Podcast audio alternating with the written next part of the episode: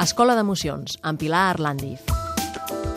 I de nou som a l'Escola d'Emocions en companyia de la psicòloga Pilar Arlandiz, coautora del llibre L'aventura de relacionar-se, terapeuta familiar, formadora en gestió emocional, i que avui ens parla d'aquesta emoció eh, dolça. Jo la qualificaria d'una emoció dolça, la nostàlgia. La nostàlgia. Hola, què tal? Doncs sí, és una emoció dolça, però però com totes les emocions també, doncs eh, si no la, la podem gestionar degudament, ens pot portar realment a una melangia o a quedar-nos amb el passat.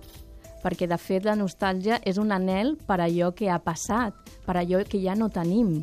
Amb la qual cosa sí que és, com tu dius, dolça de recordar no? un, moment, eh, un moment bonic, una situació que ens ha agradat molt, etc etc, però que no ens hi quedem, perquè, clar, ha passat. Llavors és allò de dir, hi ha una tendència també en, cert, en certes persones, com allò de dir, ah, és que el passat va ser millor, no? Clar, com dient, aquest present no m'agrada gaire i me'n vaig al passat, però és amb aquest present que s'hi ha de viure. I, per tant, recordar és molt bonic i molt positiu, el que també fem de vegades és idealitzar-lo, perquè, clar, queda allà, no?, i recordem certes coses, però aleshores el que hem de, hem de fer és aprendre d'allò tan bonic que vam tenir per portar-ho en aquest present. Llavors sí que això ens fa de motor per, eh, per poder viure aquest present d'una manera molt més plena, molt més rica i, i molt més constructiva, no?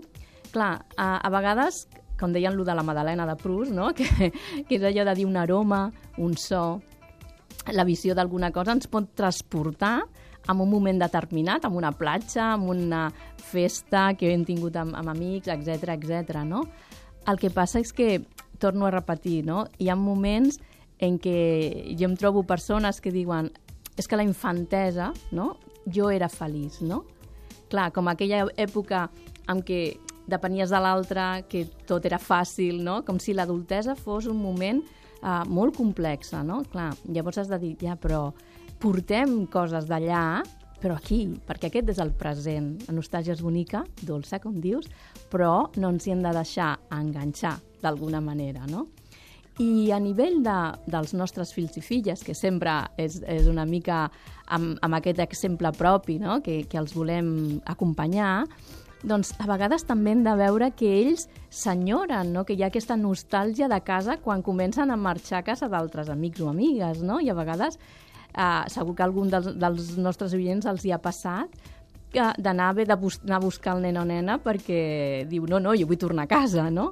Doncs bé, eh, acompanyem no? aquest, aquest moment, doncs potser si veiem que al nostre fill i filla li costa perquè sent nostàlgia de casa seva, doncs deixant-li algun objecte com una, el seu coixí, el seu nino, etc etc, no? per acompanyar aquest procés amb la mesura que ells i elles vulguin, òbviament, sempre, no? Però bé, és com tenir aquesta mirada de dir, ells també poden sentir aquesta nostàlgia i senzillament és acompanyar-la com en totes les emocions i aprendre a gestionar-les. Ells senten també aquesta nostàlgia, però és veritat que els nens tenen una gran facilitat per viure el moment present. I això crec que això sí. nosaltres sí que n'hem d'aprendre. Eh? Mm -hmm. Gràcies, Pilar Lani. Moltes gràcies a vosaltres.